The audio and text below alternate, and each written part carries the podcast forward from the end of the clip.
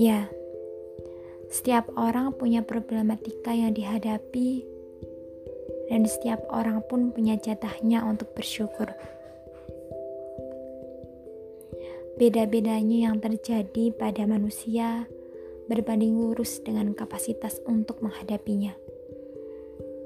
Di dunia ini, sama bukan berarti adil. Adil itu sesuai kapasitas. Tidak ada yang lebih menyedihkan, tidak ada pula yang lebih menyenangkan. Takdir itu indah, dan ya, kita harus percaya itu, karena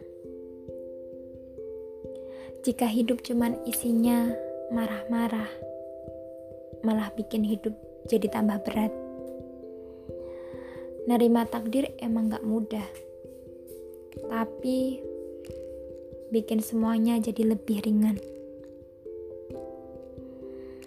Bersyukur itu berat, butuh latihan seumur hidup, apalagi jika harapan tinggi, punya harapan tinggi.